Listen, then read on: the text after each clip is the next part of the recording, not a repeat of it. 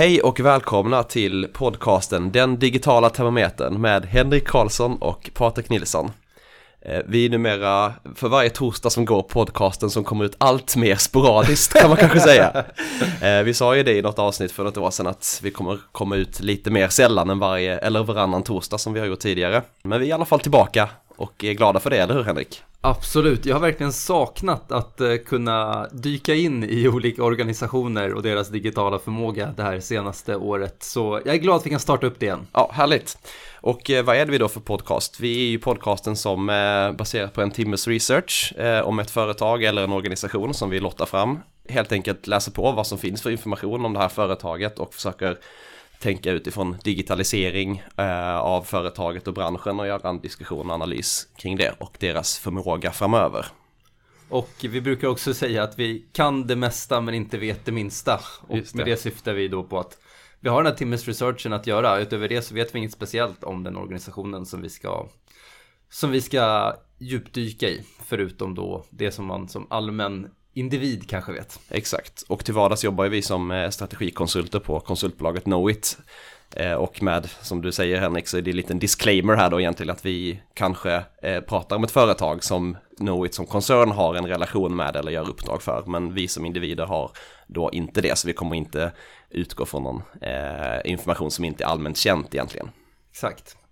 Ja, nåväl, nu är det dags för min favoritdel av den här podcasten och det är när vi lottar fram vilken organisation det är vi ska prata om. Härligt, vill du ha den äran att dra ett företag? Ja, gärna. Tar vi fram påsen här. Så, viker upp lappen och då läser jag Max. Max Åh, hamburgerkedja antar jag. Ja, det är exakt. Jag älskar Max. Ja, jag också. Särskilt, eh, särskilt de senaste åren när den här appen för att beställa har tillkommit. Det har ökat min eh, benägenhet att äta på max med många hundra procent. Ja, verkligen. Det är supersmidigt. Man sitter på kollektivtrafiken kanske eller tunnelbanan eller något liknande och beställer och sen när man kommer fram så kan man bara plocka sin påse från eh, från expressutlämningen där, det är väldigt smidigt faktiskt. Och slippa stå i kö för att betala, va? Denna våta dröm som ja, gör... just det, den har vi pratat om förut. gott är det också, de har ju den här plant beef, har du testat den eller? Det är helt okej okay, gott. Jag tycker att det är svingott, jag köper bara den nu för tiden. Älskar den. Ja, bra. Jaha, okej, okay, men min, eh, vad, vad, kan man om Max innan man gör någon, någon vidare research här då? Dels, de har, var väl först, är de fortfarande den enda hamburgerkedjan som har en app man kan betala i? Jag tror inte det går på McDonalds och, och Burger King. Nej, jag, jag har inte sett det i alla fall, eller testat, men uh, det skulle det kunna vara. De verkar i alla fall ligga lite i framkant vad gäller digitalisering. Uh, så. De är från Norrland vet man ju. Ja. Ja, det känns som att det kanske är Luleå, men där är jag lite osäker på. Ja. Men i vilket fall ett, gammalt, ett fint gammalt svenskt företag, familjeföretag. Ja, exakt. Um, har du någon härlig fotbollsliknelse gällande Max eller? Okej, då ska vi tänka lite. Det är Ett alltså... kärt gammalt moment i podcasten. ja, men det här är alltså då en, en svensk uppstickare i internationell konkurrens på den svenska marknaden kan man säga, i och med att det är kanske McDonalds och Burger King. Och de här också då lite, lite spännande teknikmässigt jämfört med de här stora giganterna.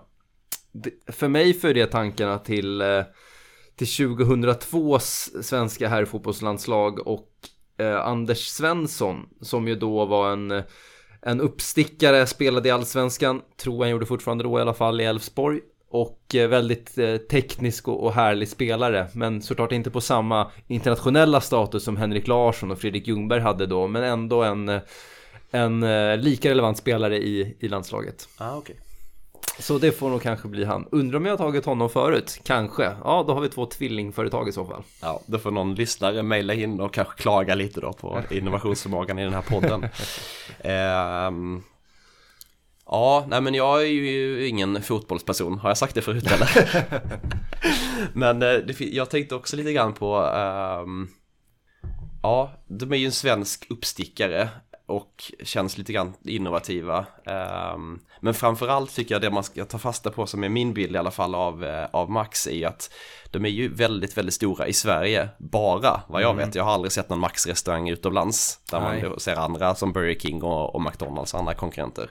Ehm, men på hemmaplan är de extremt stora. Och eftersom jag älskar Max så tycker jag inte riktigt att de har fått det internationella erkännande som de eh, kanske skulle ha. Um, och det finns ju många svenska fenomen va, som är på samma, på samma tema. Extremt stora i Sverige men inte fått det internationella genombrott som de förtjänar. Till exempel eh, lösgodis är ju ett sånt, Kalles ja. Kaviar. Vad har vi mer? Kent. Thomas Rorschach. Exakt. Bingolotto kanske. eh, nåväl, ska vi eh, dra igång vår eh, timmes research om eh, Max och komma tillbaka och se vad vi kan hitta? Det gör vi, vi hörs om en liten stund.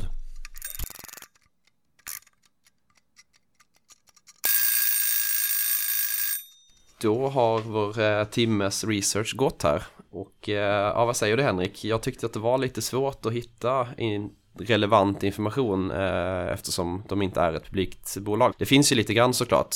Vad har du, eh, vad är dina spontana tankar? Nej men det var ju samma, när man inte har ett krav mot eh, marknaden att redovisa sin verksamhet så eh, kan man begränsa den i precis den utsträckning man önskar.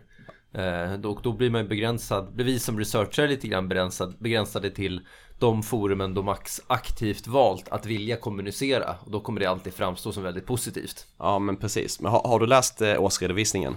Det har jag gjort. Ja. Eh, men eh, i och med att de inte behöver motivera för investerare till exempel hur duktiga de är eller vilka typer av produkter de tjänar och inte tjänar pengar på så blir den ju lite torrare, nästan som en bostadsrättsförening.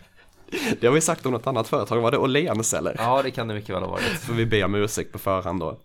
Att vi dissar någons årsredovisning. Nej men du har ju rätt i det, man behöver ju inte heller eh, motivera eller kanske skryta då, som du säger, i årsredovisningen specifikt eh, och motivera att man gör vissa investeringar, vilket de ju uppenbarligen verkar göra ändå eftersom att de har väldigt bra eh, tjänster till konsument åtminstone som är digitala då. Nej men jag, min spontana eh, uppfattning av att läsa årsredovisning var ju, spädde bara på min bild av eh, Max som världens bästa företag.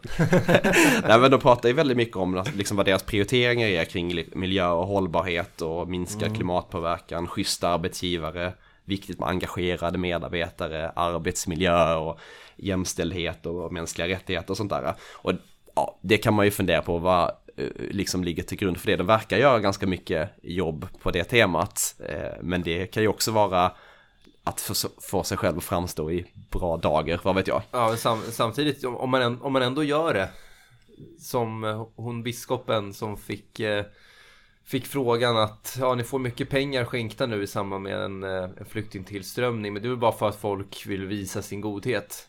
Svarade att ja, men det blir korvmackor av de pengarna också. Lite grann det. samma här, att oavsett vilken anledning man gör någonting för så så blir det ett bra resultat i slutändan så är det lite irrelevant. Ja, håller med. Var det ärkebiskop Antje Jackelén eller? det är det andra gången vi nämner henne i den här podden.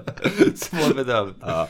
ja. men jag gillade också att de hade ganska mycket i årsredovisningen gick en väldigt stor andel åt till dels risker men eh, mm. också kanske framförallt riskmitigerande åtgärder. Mm. Eh, och inte bara på bolagsnivå utan även på samhällsnivå. Att de skänker 7-10% av vinsten till behövande människor i världen. Ja, precis. De hade en stiftelse va, som mm. Eh, de skänkte pengar till, precis.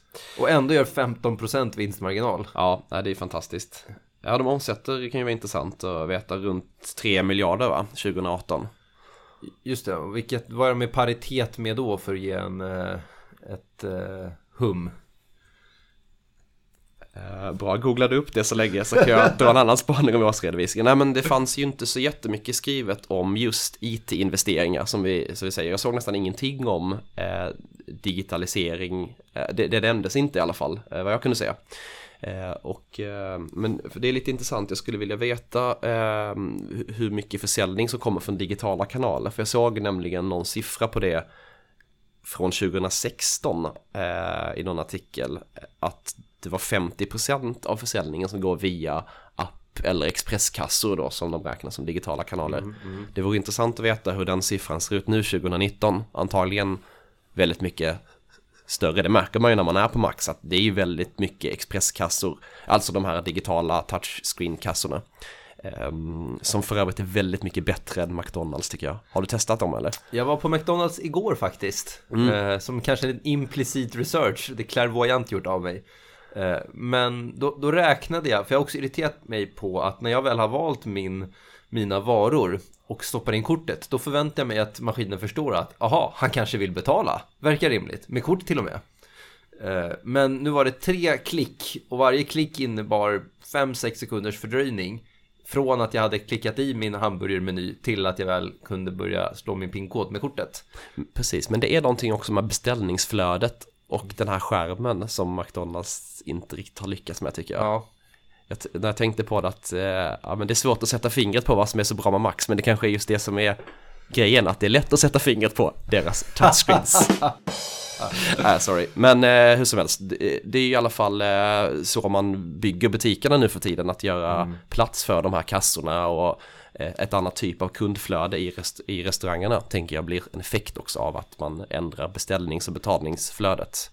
och passar det, det passar ju extra bra just i den här branschen där det sällan är några, ehm, några förändringar i menyn som man som konsument vill göra.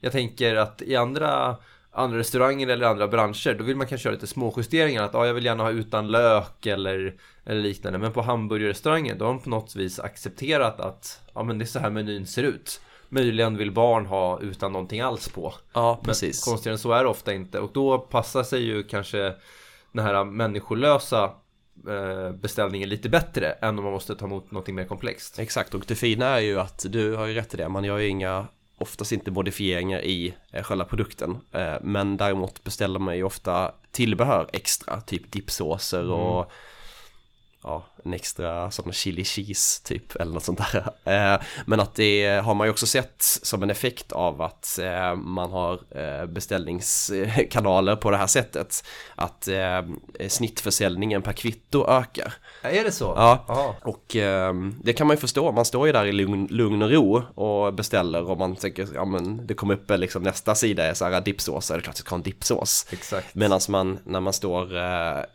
i en vanlig kassa framför någon människa då som ska ta upp beställningen så kanske man känner sig lite stressad om man har bestämt sig på förhand och man ska säga precis, jag ska ha en eh, eh, Max skrovmål eller originalmål eller vad de nu heter. Eh, och det är bra så. Det finns ju en tydlig logik i det. Har du sett någon statistik kring användandet av eh, mobilappen i eh, betalningar?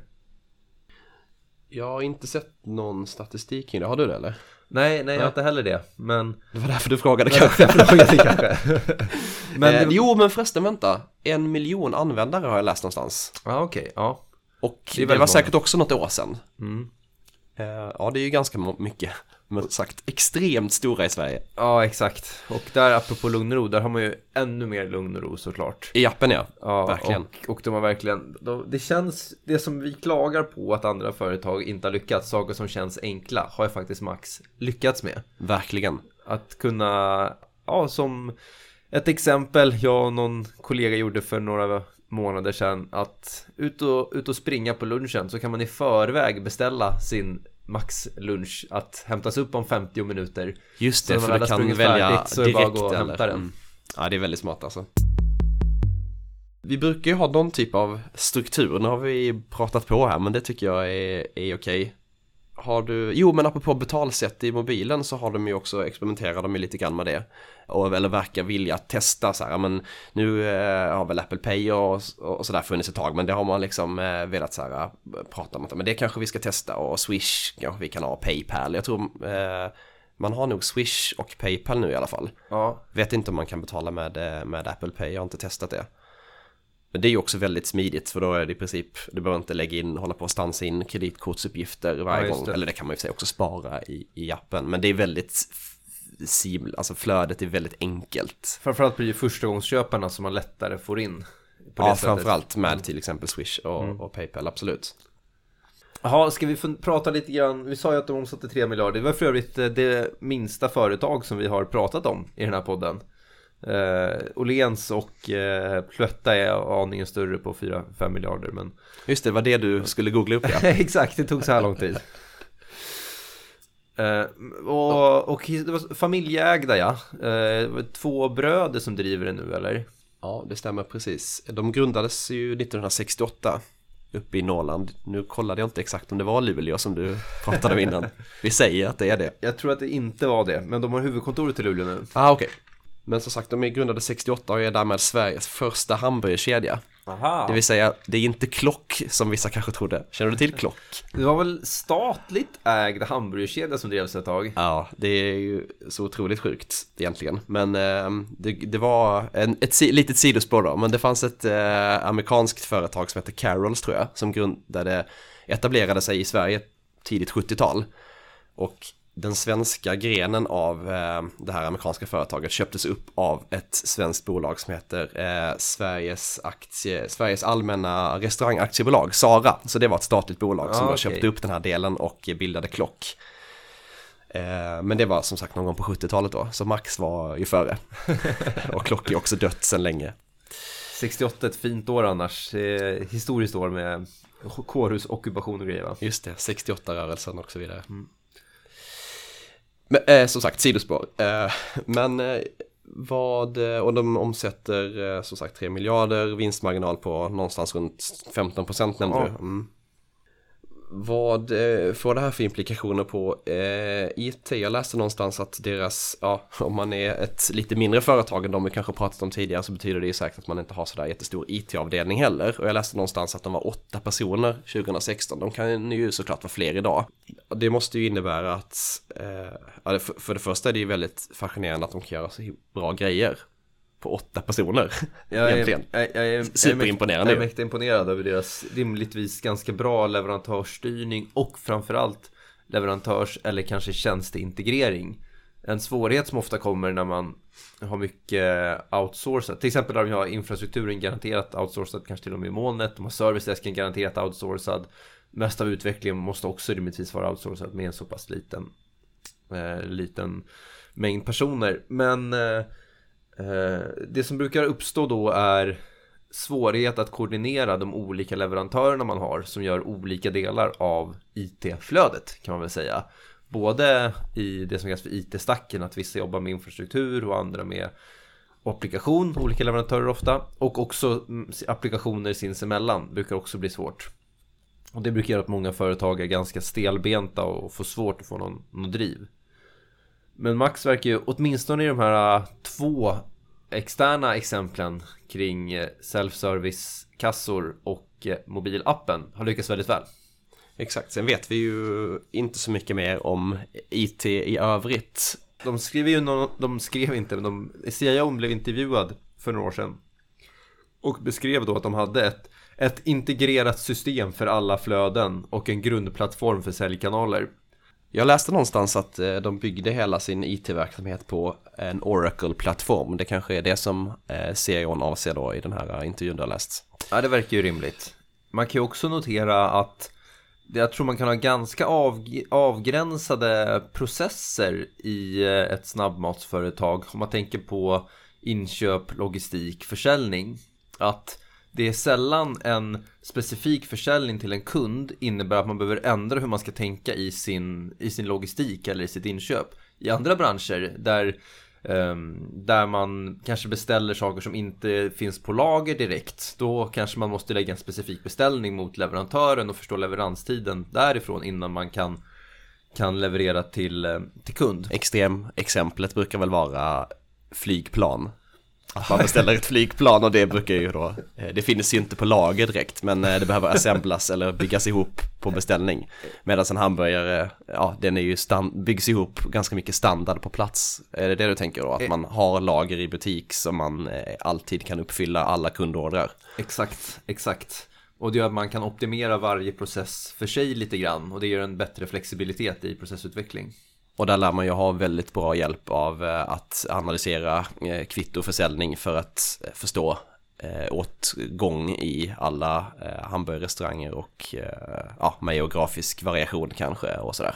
Exakt, om man tar i och med att de hamburgaren är ganska komponentbaserade också. Det är den, den köttbiten man får är väl samma köttbit rimligtvis. Eller plant beef, vegetariskt. Ja, eller, eller icke köttbit. Den centrala komponenten. Plus bröden är det också ofta samma och sen så är det olika pålägg i olika kombinationer vilket gör att man sällan får slut på en specifik vara som man kanske kan få i andra branscher. Just det. Och vad är då implikationerna för IT i det här? Eh, Dels att i och med att man kan vara så, eh, så komponentbaserad så kan man bli ganska effektiv i sin IT-utveckling. Eh, man behöver inte ta så mycket hänsyn till andra delar av flödet utan ett team kan arbeta med säljkanal, ett team kan arbeta med logistik och de kan göra det väldigt separat från varandra. Då brukar man bli mycket snabbare på att kunna få fram nya saker. Ja, just det. Det blir inte så eh, stelbent Kors hela organisationen för att man måste ta hänsyn till allting från inköp till eh, logistik och transport och försäljning, precis. Ja, det, men det låter rimligt. Det som möjligen skulle tala mot det jag just sa då, det vore eh, spårbarhetskrav. Eh, nu finns det väl till skillnad från andra branscher så är det väl inte så att vissa Max-restauranger säljer miljöcertifierat, eh, miljöcertifierade hamburgare men inte andra utan de säljer ju samma överallt. Men jag antar att det ändå finns ett krav från, eh, från eh, staten eller någon att ha en spårbarhet på var ens produkter kommer ifrån i händelse av magsjuka till exempel. Så man ska kunna veta vilken sallad, vilken tomat, vilken köttvara som användes i, i de här. Just det, och då finns det ju ett klockrent use case blockchain, eller hur? Oj, berätta. eh, men kort om blockchain då, det är ju eh, blockkedja brukar man prata om på svenska, men vad det egentligen är, det är ju eh, en typ av distribuerad, en databas som är distribuerad i ett nätverk som innehåller information om transaktioner kan man säga. Det. Och det är det som är de här blocken i den här kedjan, de innehåller information om transaktioner och hela poängen är att eftersom att databasen underhålls i ett distribuerat nätverk så är det också i princip omöjligt att manipulera en eh, transaktion i tidigare i kedjan. Och poängen, det, det jag tänkte man skulle kunna, apropå eh, spårbarhet då, då har man ju man kan ju ha spårbarhet på an, med andra digitala hjälpmedel och e, signaturer och så vidare. Eh, men poängen med det här är då om man har flera olika aktörer i till exempel ett distributionsnätverk där man levererar, någon levererar tomater, någon levererar kött, någon levererar sallad, någon levererar bröd och så vidare. Eh, att underhålla spårbarheten och att inte behöva granska och verifiera den vid olika audits eller vad heter det, ja granskningar. Ja. Eh, så vet man, man kan vara 100% säker på att den här transaktionskedjan i då en blockkedja är helt intakt och omanipulerbar av alla inblandade parter. Så man kan inte, ingen kan i efterhand komma och säga att någonting annat än vad de sa från början. Nej men precis, om man då upptäcker att någon blir magsjuk och det kan spåras tillbaka till en viss eh, bondgård någonstans då som kanske har salmonella eller vad vet jag, så ja. kan man inte, ingen kan manipulera den transaktionen utan den är alltid 100% sann. Det ja. kom härifrån. Ingen, man kan liksom inte ifrågasätta det. Vem är det mest en fördel för? Nu är ju Max ett, ett behjärtansvärt företag som I, säkert, i alla lägen Som säkert vill, vill, vill att det ska bli rätt Men om man skulle kunna hypotetiskt tänka sig en mer cynisk koncern Så skulle de kunna tänka att Vänta, vi vill ha chansen att manipulera här Just det. Vad tänker du på då liksom? Evil Corp? ja, exakt. Och man kan motivera det med massa att ah, men det kanske var fel från början och då måste man kunna ändra eller något sånt där. Jag vet inte, men, men om inte annat så borde det här vara ett, någonting som man skulle kunna kunna använda ur ett lite större nationellt perspektiv för att säkerställa spårbarhet. Det var väl jättebra, det var en av de bästa appliceringarna av blockkedja jag har hört faktiskt. Bra plockat. Tack. Annars, eh, ja precis, annars brukar ju den klassiska tillämpningen vara just eh, bitcoin och kryptovalutor och sånt där. Men det finns ju faktiskt möjligheter att eh, utnyttja den teknologin i andra sammanhang för att egentligen minska administration kan man ju säga. Exakt. En, en, en lågt hängande frukt om man plockat teknologimässigt är ju att ha en visualisering av beställningarna vid kassan. Mm jag vet inte om du, det har du säkert tänkt på att om man beställer sin eh, måltid och så får man nummer 041 eller så. Då, då står det ju framme vid kassan, väntar just nu 041. Just det. Och sen så flyttas den över till klar och serveras eller något sånt där. Ja.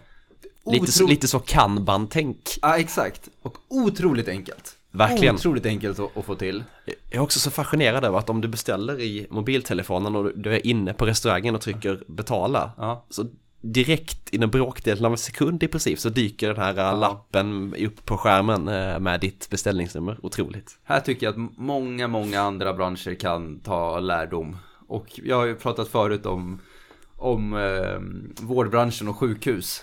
Där man aldrig riktigt vet om man är på rätt ställe eller inte. Att bara få upp att ja, vi, vi förväntar oss att du är här.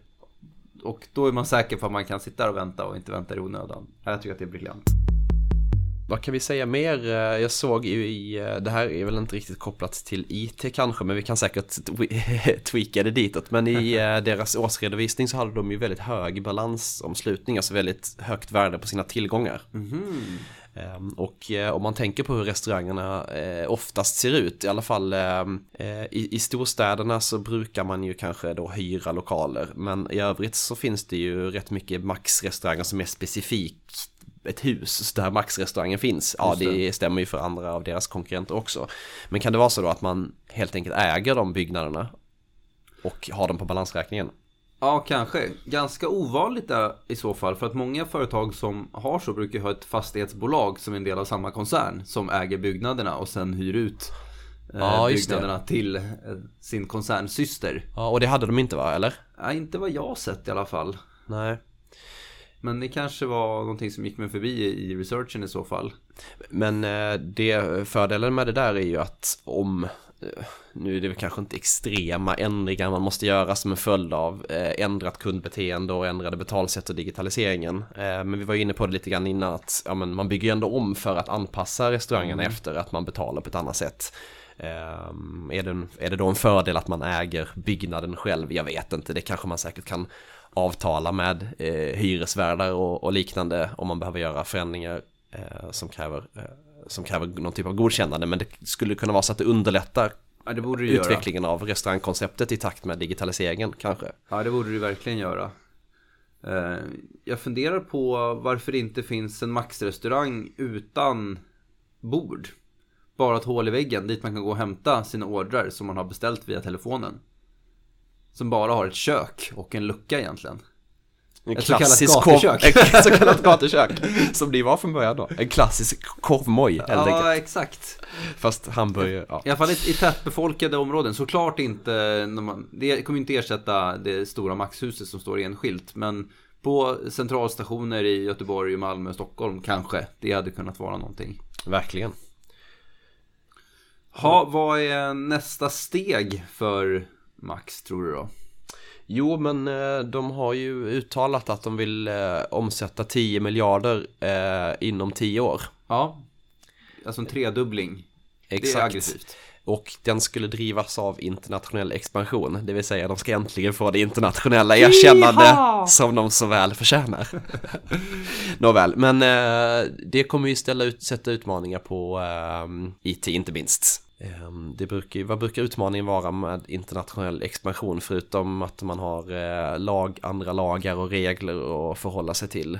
Ja men, jo, men det är ändå de andra lagarna och reglerna brukar få effekt på IT också. Till exempel kring spårbarhet som, som vi nämnde som Just kommer det. göra stor skillnad. Hantering av persondata till exempel. E andra typer av betalmedel eller betalinfrastrukturen. Allt från så kortterminaler kommer kanske se annorlunda ut i eh, i andra länder som man vill expandera, expandera till. Sen är frågan om man vill, om de vill sikta in sig då på länder som är, har en befolkning som är lite tech-savvy. Som därmed kan få mer, eh, som kommer uppskatta mer att ha den här eh, möjligheten med eh, expressbetalningar och mobilbetalningar. Eller om de vill ha tvärtom, någonstans man kanske kan vara först och driva på att bli eh, mer tech-savvy bland befolkningen. Ja, Den här innovativa andan talar ju för det senare. Ja. Eh, men samtidigt, eh, precis för de kommer nog kanske få en liten utmaning om man etablerar sig i ett land som är eh, extremt kontantbaserat. Okej, okay, men då måste man ju ha processer och flöden för att hantera det på ett annat sätt. Och sen så också produktmässigt, det är inte riktigt IT-aspekt, men det blir ju svårare och svårare att kontrollera produktens kvalitet i, ju längre bort från hemmet man kommer på något mm. sätt i Luleå. Ehm, och man kommer säkert behöva sätta upp avtal med nya leverantörer och, och så vidare. Just det. det blir ju en aspekt av expansionen. Och översätta allt till tyska, ja det blir, det blir inte så svårt. um, de har ju faktiskt uh, restauranger utanför Sverige idag. Ja. I Norge, Polen, Danmark och Egypten. Såklart Egypten. Av alla länder. Uh, jag tror att en del av de här är franchise också. Och det är ju säkert lite, det kan också ställa lite krav säkert på IT. På, då har man ju, ja vad är egentligen en franchise? Det är ju att det är, man hyr ett koncept i princip va? Mm. Varumärke och säkert lite delade tjänster som till exempel IT och eh, ja, andra eh, ekonomifunktioner kanske eller någonting sånt där. Men svårt att, de måste ändå handla upp leverantörskedjan själv då för den franchisen utan att få några skalfördelar. Jag antar att det inte kommer gå via samma, samma logistik som i Sverige. Då måste allting flygas ner från Sverige till, mm. till Egypten hela tiden. Ja, det blir lite, lite mäckigt. Men eh, så att man får väl anta att de ändå har som mål att när vi har etablerat en koncept eller butik eller franchise eller ägt att de lyckas expandera det och få skalfördelar.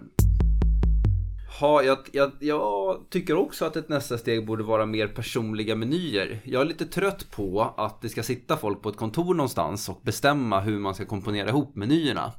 Jag förstår inte varför jag kan ha en, en McHenrik, okej nu blir det på McDonalds då. Vad skulle det heta på Max? Jag vet inte. En, en Henrik-meny. Som består av någonting som jag ofta beställer.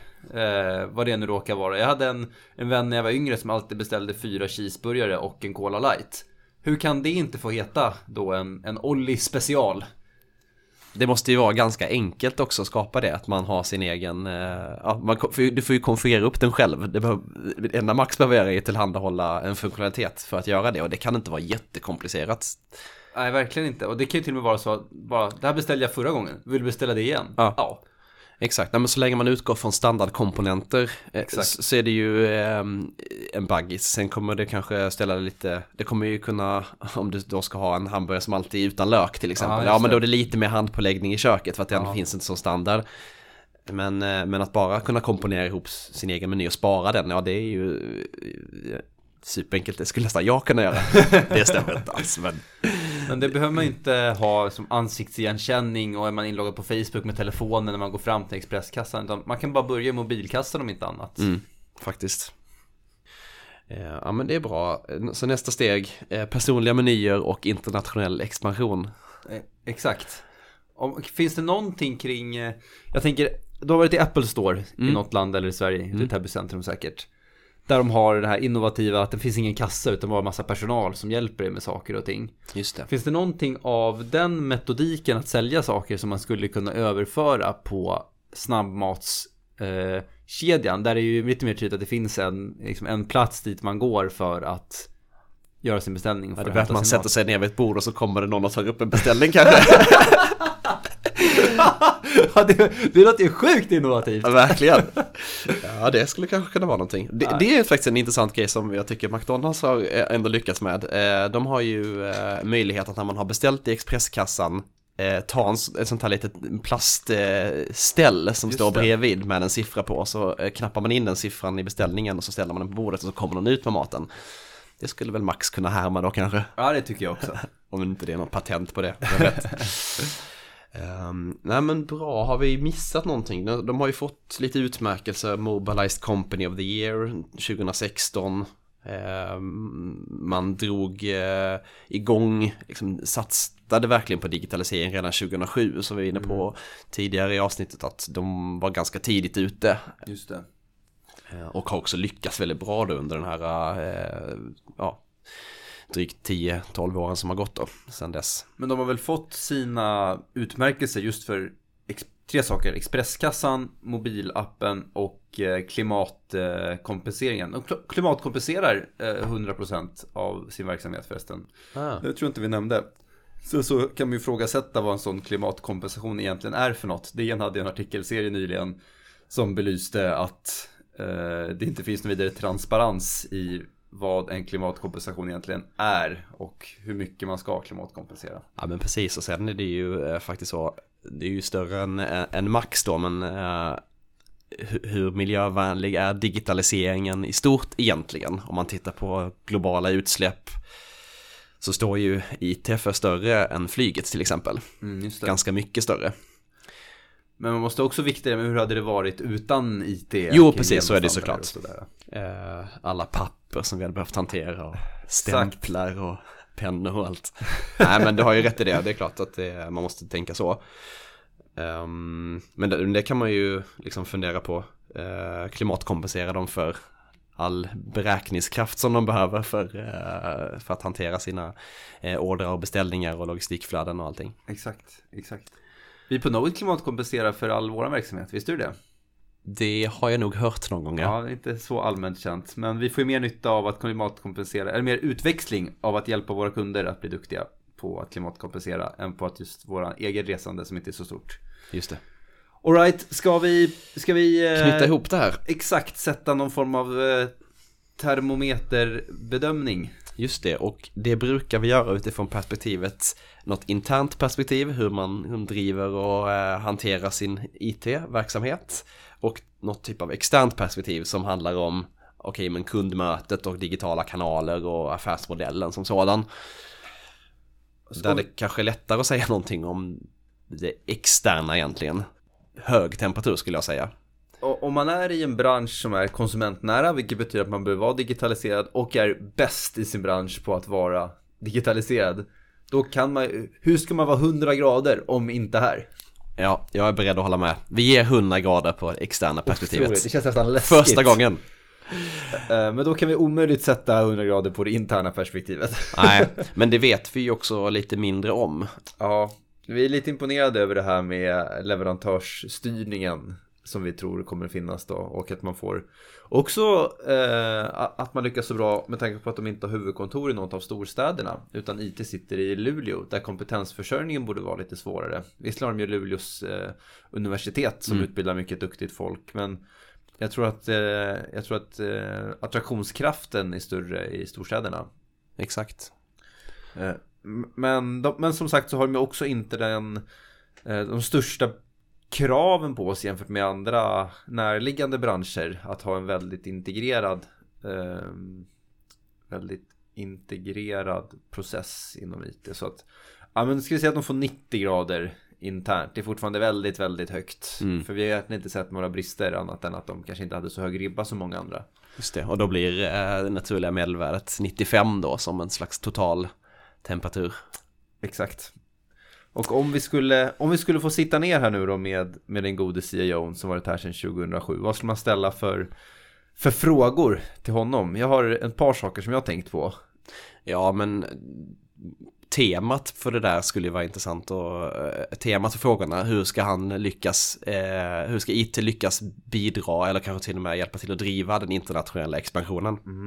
Just det. Och den kan man ju såklart bryta ner i, i mer frågor. Vad får det för liksom, utmaningar ur ett tek, rent tekniskt perspektiv? Finns det uh, andra utmaningar? Med, till exempel kompetensförsörjning. Behöver man ha IT uh, eh, lokalt i något land? Uh, och servicetekniker för kassor. Jag vet inte om det faller inom IT. Men det finns ju en massa saker man behöver hantera som en följd av det. E-, exakt. Jag skulle också vara intressant, intresserad av att veta hur de gör sin leverantörshantering. Hur de säkerställer att de får alla att dra åt samma håll och inte klaga på varandra.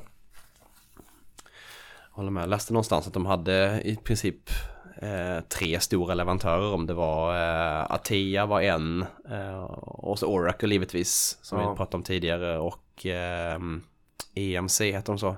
Ägs väl av Dell numera. Just det. Um, de har ju såklart säkert fler och andra konsultbolag kanske och nischspelare och, och så. Eh, jo men det vore ju intressant att veta hur hanterar de det. Ja. Bra, men då kanske vi tar och eh, tackar för den här gången. Och eh, på sporadiskt återseende framöver då. Ska vi säga någonting om, om man vill komma i kontakt med oss också?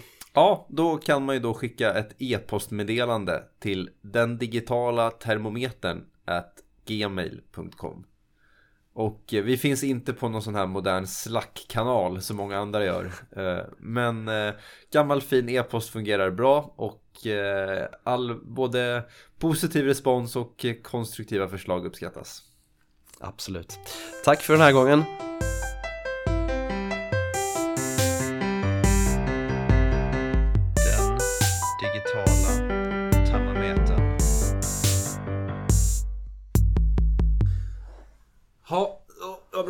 Gå och käka eller? Ja, vad, vad är du sugen på? Uh, inte. Jag har fan ingen bra idé alltså. Det finns typ inga bra så här ställen att käka på omkring. McDonalds? Ja, vi kör.